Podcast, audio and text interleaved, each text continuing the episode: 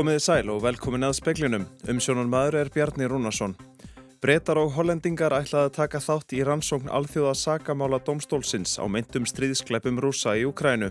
Aðal saksóknari domstólsins segir að liti sig á allt landið sem glæpa vettvang. Nýð stöng blasti við íbúum á Kjalarnesi í morgun þar sem afskorið hests höfuð var fest á girðingastur. Íbúi lítur á stöngina sem hótun. Leikskólinn Furu skóur í Fossfógi er óstarfhæfur vegna miklu, miklusveppa. Starfseminn flist yfir í Savamýrarskóla en foreldrar hafa einni kalla eftir miklumælingum í því húsi. Garðirkjuskólinn á Reykjum verður áfram starfrektur þar. Kennari við skólan kallar eftir því að uppsagnir kennara verði dregnar tilbaka.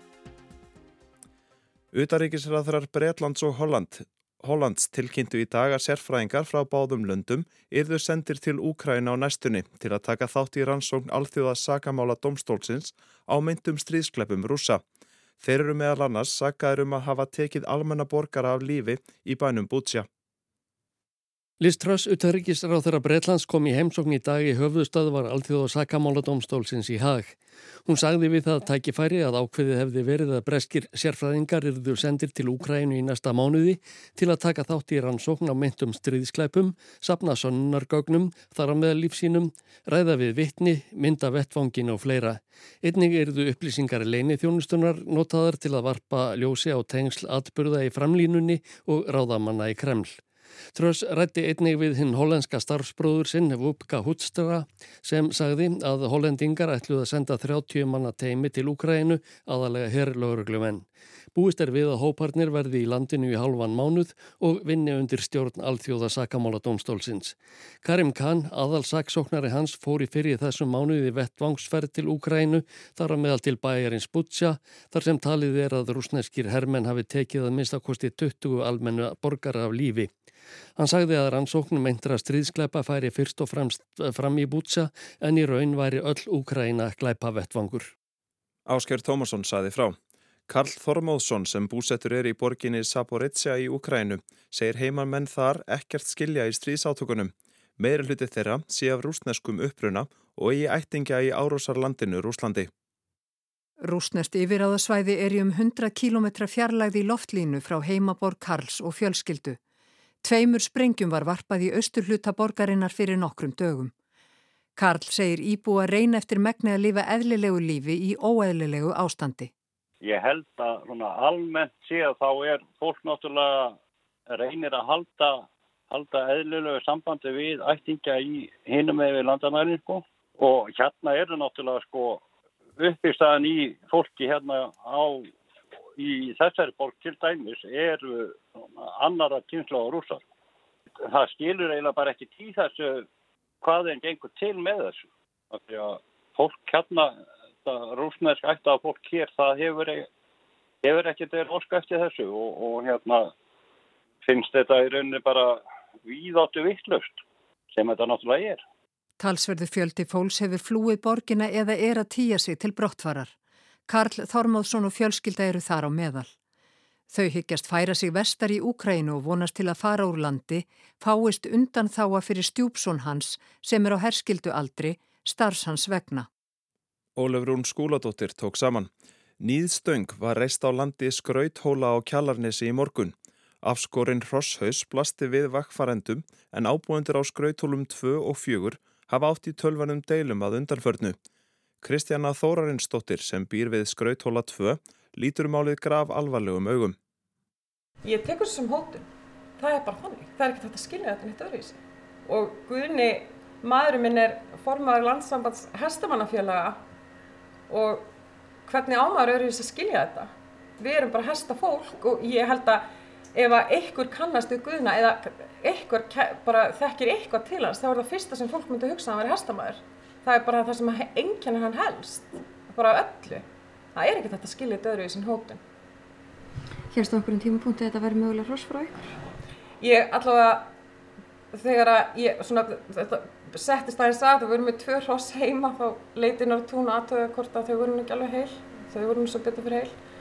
Og ég vildi náttúrulega bara byrja á því að bruna hérna nýri herstús og aðtöða hvort að það veri ekki lægi með öll hrossin hér. Ég vissi reyndar að veri læst hurðin en, en samt maður bara já, maður bara sjokki, algjör sjokki og er ennþá. Saði Kristjana Þórarinsdóttir. Sunna Karin Sigurþórsdóttir talaði við hana og nánar um þetta í kvöldfréttum sjómas.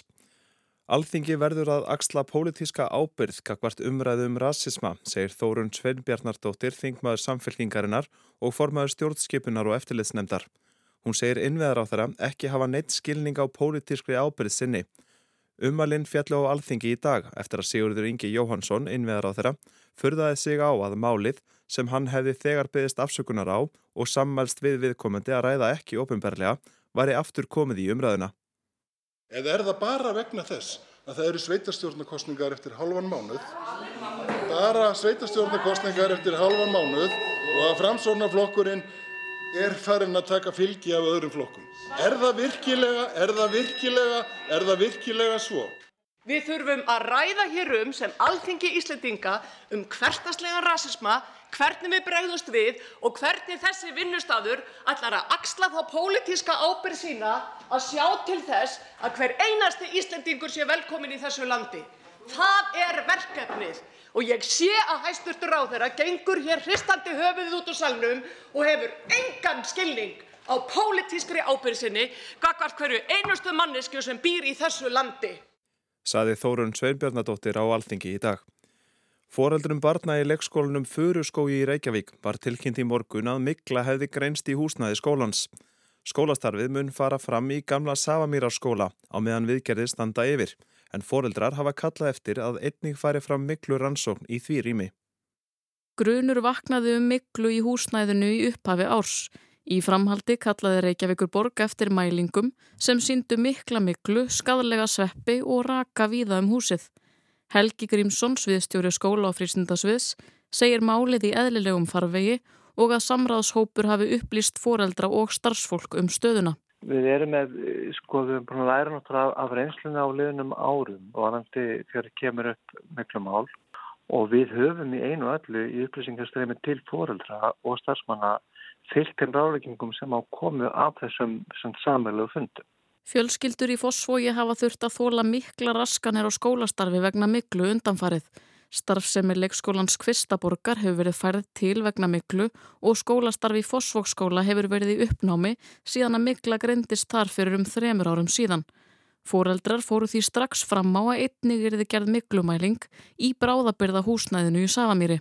Við hefum ekki upplýsingar um að þar sé, sé mikla Það kom fram á fundinum dag áskorun frá fóröldurum um að, að þess sá hluti húsnæðasinn sem að e, við höfum verið að nota fram að þessu að það fari skoðun á, á, á því húsnæðin. Það er bara rættir sem við verum með í, í aðtóna samtali um hverju skipilarsvið. Saði Helgi Grímsson, Ólefur Rún Erlendstóttir tók saman. Það er búið að taka allt ímyndurinn af börnunum og þau eru allt of mikið fyrir framann skjái að mati íbúa á dvalarheimirinu hlýð á Akureyri. Sem hluti af barnamenningar háttíð síndu íbúar heimilisins almenningi hvernig leikfeng liðinar aldar litu út.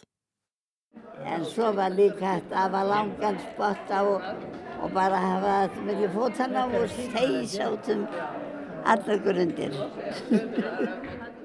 Við erum stött hérna á dvalarheiminu Hlýð en þar eru einstaklingar í dagþjálfun og íbúar að sína leikfung fyrri tíma. Marja Seytriksdóttir er einn þeirra. Þetta, þetta er hodn af lamprút. Þetta voru kindur. Þetta voru einlega þægilegustu kindurnar.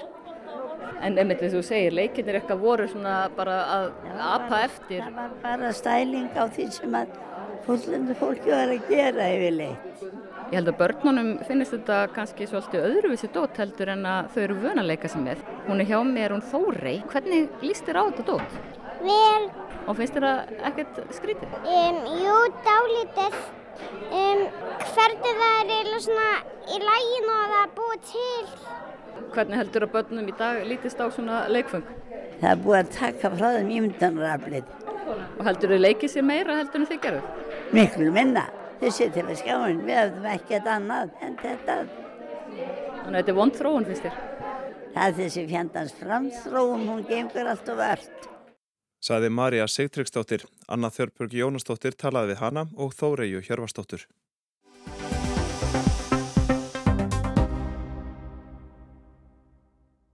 Segja má að nánast öll alþjóðleg samskipti við rúsa hafi lagst af eftir innrást þeirra í Úkrænu og vegna þeirra hörður efsiðagerða sem vestran ríki hafa grepið til. Þetta gildir einnig um norðurskautsráðið. Speillin ræti við Dr. Rasmus Getsö Bertelsen, alþjóða stjórnmálafræðing og sérfræðing í málefnum norðurslóða. Bertelsen er danskur, profesor við háskólan í Tromsö í norður Nóri, en ólst upp að hluta á Íslandi. Hann er ný útnemdur Nansen gestaprofessor við háskólan á Akureyri. Hann var fyrst spurður um áhrif innrásarinnar á samstarf á norðurslóðum og starf norðurskautsraðsins. Já, það hefur auðvitað fyrst og fremst það áhrif að hérna, hín sjölöndin í, í norðurskautsraðinu uh, þar sem Rúsland er með formesku núna að hín sjölöndin hefur sagt að þeir vilja ekki taka þátt í norðurskautsraðinu og vinna með Rúsland á þessu tíma og það er áreginlega eins lengi og ég býst við það eins lengi og Rúsland er með formensku fram til mæ næsta ár. Hinga til hefur starfráðsins lítið breyst þó að á ímsu hafi gengið í alþjóðamálum. Bertelsen bendi þó á að Norðurskautsráði sé partur af alþjóða stjórnmálakerfinu. Það sást mjög greinlega undir kaldastíðinu og þetta, þessa samvinnu sem er búin að vera á síðasta áratug, síðustu alda og fram til núna að þessi samvinna endur speiklar hvernig heiminun leit út eftir lok kaldastiðsins og þess mm. vegna vegna þess að Bandaríkin var einasta uh, hérna superveldið, hvernig maður segir á íslensku. Eina eina, reysaveldið uh, en hérna þetta tímabil eftir kaldastriðið er núna að ljúka á mjög mjög uh, á mjög alvarlegan hátt eins og sést mjög greinlega í Úkrænu og, uh, og þess vegna já þá endurspeglar þá byrjar norðurslóðir aftur að endurspegla það sem gerist í alþjóðakerfinu. Og það endurspegla þessi ágreining millir Bandaríkin og Rúsland og það endur spekla líka ágreiningin millir Bandaríkin og Kína eins og var mjög skýrt þarna frá ræðu Mike Pompeo í Rovaniemi í mæi 2019. Nú byrð þú í uh, Norðunóri, Trómsö, ekki svo langt frá rúsnesku landamennunum. Hefur þessi aukna spenna á milli Rúslands og Vesturvelda, hefur hún haft einhver sínileg eða er, er, er það áhrif sem maður merkir á, á þessum slóðum? Já, það hefur alls konar áhrif. Um, Noreg eru þetta nákvæmnaríki Rúslands með næstu því 200 km landamæri á landi og þúsundir kilometra hérna í Barenshafinu og Noreg eru auðvitað með alls konar varnastefna í norðri og mjög náið njósna sam, samstarf með bandaríkinn á norður, norðurslóðum en Noreg hefur líka fjárfest mjög mikið í samstarf við Rúsland, samstarf á sviði rannsóknar og mentun og umhverfi og uh, efnahagslega þróun og svo framvegis.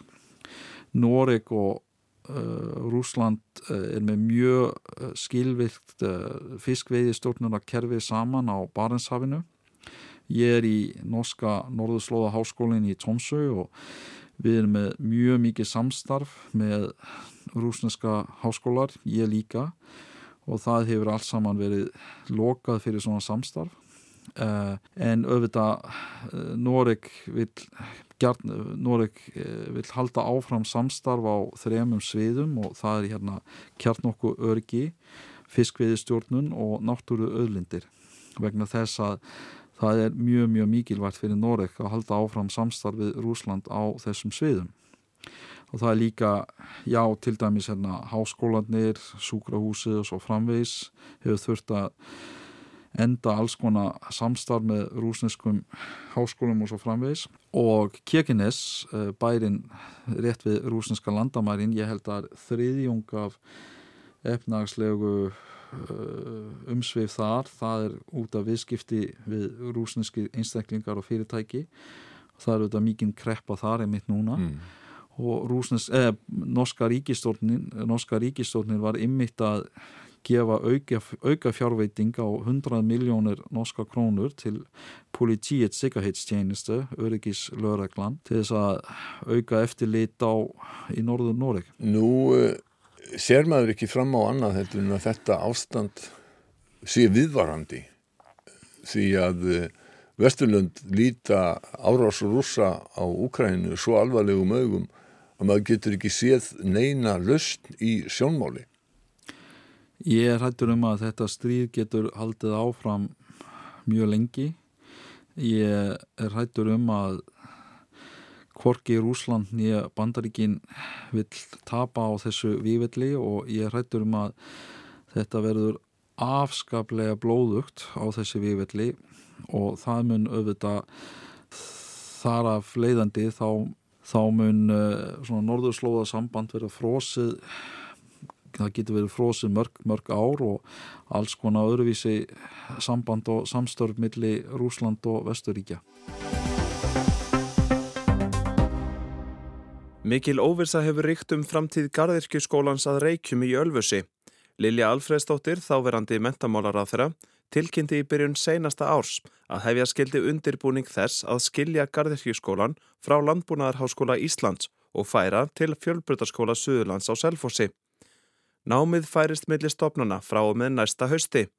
Í byrjun vikunar var fjórum kennurum við skólan sagt upp störfum. Engin fastráðin kennari er því við Garðirkjunámið að reykjum. Í Garðskjöskólanum eru um 100 nefnendur, bæði í staðnámi og fjarnámi. Þeir kalla eftir því að skólinn verði sjálfstæður. En í morgun dró til tíðinda í málunu. Að loknum ríkistjórnarfundi greindi ásmundur Einar Daðason, menta og barnamálar á þeirra, frá því að samkominlag væri í höfn á milli hans og áslegar örnu Sigurbjörnsdóttur, háskóla, yðnar og nýsköpunar á þeirra.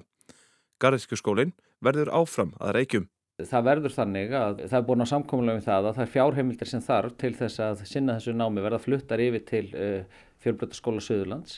Uh, öllu starfsfólki verður búaðinn uh, starf hjá fjölbrötaskóla Suðurlands, bæði þeim einstaklingum sem að sagt var upp í vikunni en eins verður öðrum spóði sem hafa verið á reykjum.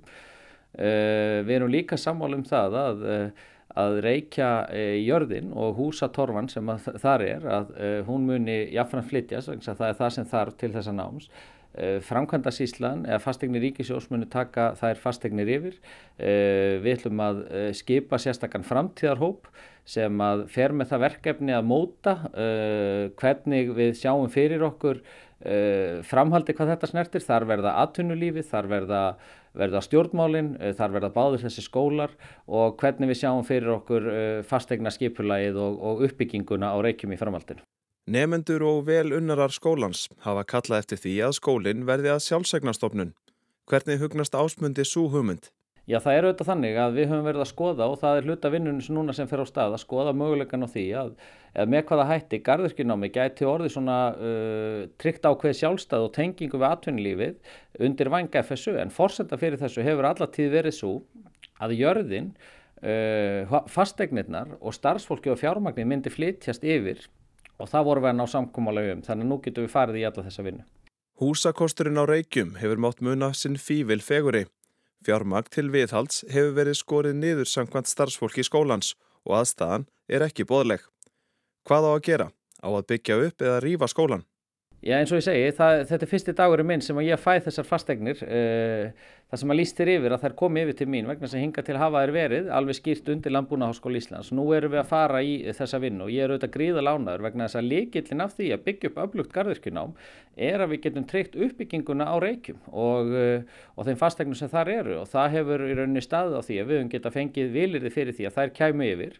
Nú er það gerast frá með deginum í dag, við erum að stíga það skref og það er ánægilegt því að þá getum við farið í þessu uppbyggingu. Síðan mun það verða í hendi sérstakst framtíðarhóps sem að þarf að fara yfir með hvaða hætti við sjáum uppbygginguna þarna fyrir okkur vegna þess að, vegna þess að það þarf að ráðast þarna í fjárfestingar og uppbyggingu og, og við erum öll sammálum það, ríkistjórnin, að fylgja því eftir og það gerist eh, verður hluta þessu samkómulagi sem var verið að kynna í dag. Guðrýður Helgadóttir hefur starfað um ára bil hjá Garðskjöskólanum.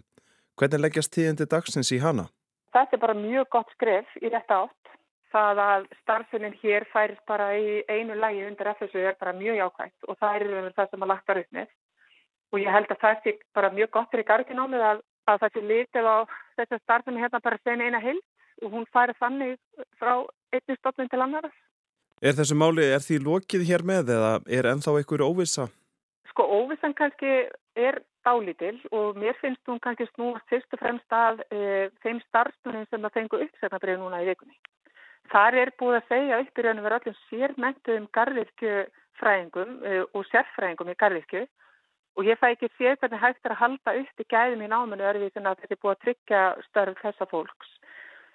Eðlilegast finnst mér að þær uppsögnum verður hreinlega dregnið tilbaka og þessi starfsmenni þeir fylgdu bara ásamt öðru starfsmennum frá einnig stofnum til annars. Þetta verður kannski stærsta óvísun akkurat núna. Þú rettir í dag við Olgulísu Garðarstóttur, skólamestara FSU. Hvað sín hefur FSU á þessi mál? FSU náttúrulega er bara eins og við, sko það eru bara allir frekar glæði með e, þetta skref að þessi búið tryggja það að FSU fari hér með e, með hérna, húsbóndavaldi á Reykjum. Það er í raun og verið fórsöndan fyrir þessu námi að það gangi. Varðandi yfirfæslu starfbannana þá náttúrulega getur uh, FSU ekki dreyið fram uppsagnir, eða dreyið tilbaka uppsagnir sem eru gerðar við aðra stofnum. Uh, en eftir því sem að, að hérna, mér skilsta þá eru þau sammála því að það veri eðlilegt að, að þessi starfsmenn fylgtu bara með í pakkanum. Það hefur verið krafan nefnda á velunnara skólans að þetta verði sjálfsegnastofnun. Er það úr sögunni hér með? Já, nú veit ég það ekki í raun og veru. Við rákum eins og sjálfstæðan garðskóla hérna á Reykjum og garðíski skólinn hefur frá forni farið að hann hefur verið í raun og veru svona miðstöð uh, garðískinar í landinu og menn eru svolítið uh, spenntir fyrir því að hann geti orðið aftur. Og ég heyr alveg þær rættir í atvinnlífinu að menn viti ekki hvort að það geti verið innan hefðbund á framhalskólakerfisins og hér voru til dæmis hagnýtar tilrunir í gróðurhúsum og fleira sem að nýttist fæinu og, og við, kannski skilja, skiljum við ekki, ég er eina þeim, ég skil ekki af hverju við getum ekki hérna reykið eitt sjálfstæðan gargiskóla í landinu, við erum með marga minni framhaldsskóla heldur en þetta en að sjálfsögðu vinnum það heilindi með FSU, þetta er leiðin sem að, sem að er búið ákveð að fara. Nú er búið að móta þarna hóp um framtíðar uppbyggingu á reykjum, hvernig líst þér á þá þann hóp? Sko ég er mjög hugsið yfir, yfir uppröðinni í þessum hóp uh, vegna þess að fljóttu litið að þá sínist mér að ennina ferðina að þá sé aðtunni lífi garðirkjana reynilega haldi fyrir utan þetta samtal. Þá meðal þess að fjallaðinu framtíður uppbyggjum lánsins og það er ekkert einasti aðili, engin fulltrúi aðtunni í garðirkjana það er engin skrúkaríkumeistari, engin frá skóapændum og það er enda eitt fulltrúi bændasamtakana Eh, en bændasamtöngin getur þess að sko skipa kóðbonda ef að þeim sínist svo. Þannig að mér finnst ekki tryggt í þessari uppsetningu að menn ætla að hafa raunverulegt samráð við e, garðirkju e, fólki og atvinnið þar. Saði Guðrýður Helgadóttir. Um hundrað lögreglumenn eru sárir eftir alvarlegar óerðir í fjölda sænskra borga. Yfir völd segja glæpagengi standað baki óerðunum sem urðu í kjölfar kostningafunda og bókabrenna hægri augamannsins Rasmus Peludans. Paludan og flokkur hans Stram Kurs sem gæti útlagst sem hörð stefna fekk leifi til að efna til mótmæla í Jönnsjöpingi mið Svíþjóð um miðjan þennan mánuð. Þar brendi Paludan eintak af kóraninum, trúariti muslima. Hann bóðaði svo komu sína til næstu borgar Linköping í hverfi þar sem stór hluti íbúa eru múslimar. Þángað kom hann eins og er aldrei. Afturmóti mætti fjöldi fólks til að mótmæla aðtæfi hans en það fæli það bæði í sér vanhelgun og opin fjandskap gegn minnilhutahópi í samfélaginu. Mótmælin gegn bókabrennunum voru þó langt í frá friðsamleg. Grjóti var kastað að lauruglu og kveikt í bílum og næstu daga endur tók þessi saga sig með óerðum í Stokkólmi, Örebrú, Malmu og Víðar þar sem grjóti og molotov koktelum var kastað að lauruglu, kveikt í lauruglubílum og búnaði stólið. Hade någon kollega fastnat eller ramlat där någonstans så jag är helt säker på att den hade blivit stenad till döds. Hefði einhver af kollegum mínum fest sig eða dottið þá er ég vissum að hann hefði verið grítur í hel sagði sænskur lauruglumadur í samtali við ríkisjónvarpið. Lauruglan fullirið er að óeirðnar tengist glæpagengjum. Þær hefði að hluta til verið skipulaðar og beinst að lauruglunni miklu frekar en bókabrennarunum. Markmiðið hafði verið að ráðast á og slasa laurugluþjóna, jafnvel stopna lífi þeirra í hættu. Fáinir einstaklingar hafi verið handeknir eftir óeirðnar. Íbor í hverfunum þar sem óeirðnar voru eru margir miður sín. Í Malmö skemmtust til að mynda kennslustofur yngstu nefndana í Rosengård skólanum í eldsvoða í tengslu við óeirðnar. Ja, man blir både ledsen, arg, upprörd. Eh, det känns ju förfärligt att våra yngsta elever ska komma till skolan imorgon och inte kunna gå in i sina klassrum som vanligt. Já, man verður bæði leið og reið. Það er ömulegt að yngstu nefndurnir í skólanum komi hingað á morgun og geti ekki farið í kennslustofunar sínar eins og venjulega, sagði skólastjórin við fréttamann sænska útvarpsins. En hvaðu um mannin sem brendi kóranin? Hann er hverginari hættur. Rasmus Paludan hefur verið yðin við að sækja um leifi fyrir samkomum í borgunum Trollhættan, Örbru, Borós, Stokkólmi og Uppsala en allstaðar verið sinjað. Ákvæðum tjáningarfrelsi eru mjög sterk í sænsku stjórnarskráni, svo sterk að flestir telja að það megi brenna helg rít. Það er þó hægt að sinja leifi fyrir mótmælum, til dæmis eins og í þessum tilfellum, á þeirri forsendu að það hafi verið sótt um með of skömmum fyrirvara. Þá hefur Paludan verið kærður fyrir að ala á hatri gegn minni hlutahóp með framgöngu sinni. Hann er þó hverki hættur og greindi í dag frá áfrumum sínum með að taka þátt í fyrsta mægöngu jafnaðarmannaflokksins í Uppsala. Forsvarsmenn jafnaðarmanna gefa lítið fyrir áformin, segja Paludan fyrst og fremst vilja augra og fá aðtegli stramkurs er eitt högerextremt parti. Paludan og flokkur hans aðhyllist hægri öfgastefnu sem gengur út á að kenna Íslam og muslimum um öll samfélagsvandamál, segir Daniel Pool, rítstjóri sænska dagbladsins Expo, sem sérhafir sig í umfjöllunum hægri öfgamenn. Pool segir að stefnaflokksins gangi nánast út á þjóðverðnis hreinsun allra muslima frá Danmörku. En politík sem då går ut på ja, nærmast en etnisk rensning av muslimer frá Danmark. Paludan hefur þegar hlotið dóm fyrir að ala á hatri í garð minnuhlutahóps. Honu hefur þó gengið vel að fá aðtekli. Daniel Pool segir að Paludan sérhæfi sig í að mæta á staði þar sem líklegt er að fólk bregðist ítla við komu hans og augra svo, meðal annars með því að brenna helgiritt muslima með það markmiði að allt verði brjálað.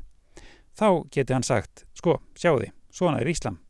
En það sé hann sjálfur sem vilji reynlega banna heila trú segir Daniel Pool. Þetta hafi gengið vel hjá Paludan í Danmörku og nú leiki hann sama leik í Svíþjóð. Flokkurinn Stramkurs bauð fram í Danmörku árið 2019 og það var þá sem Paludan varð fyrst þektur fyrir augranir sem leitu til óerða í Kaupanahöfn og sænska ríkisúttorpið segið um margt líkar atbyrðunum nú í april hér í Svíþjóð. Paludan er með bæði danskan og sænskan ríkisborgarrétt og hefur gefið það út að hann og flokkurinn muni bjóða fram í þingkostningunum í haust hér í Svíþjóð.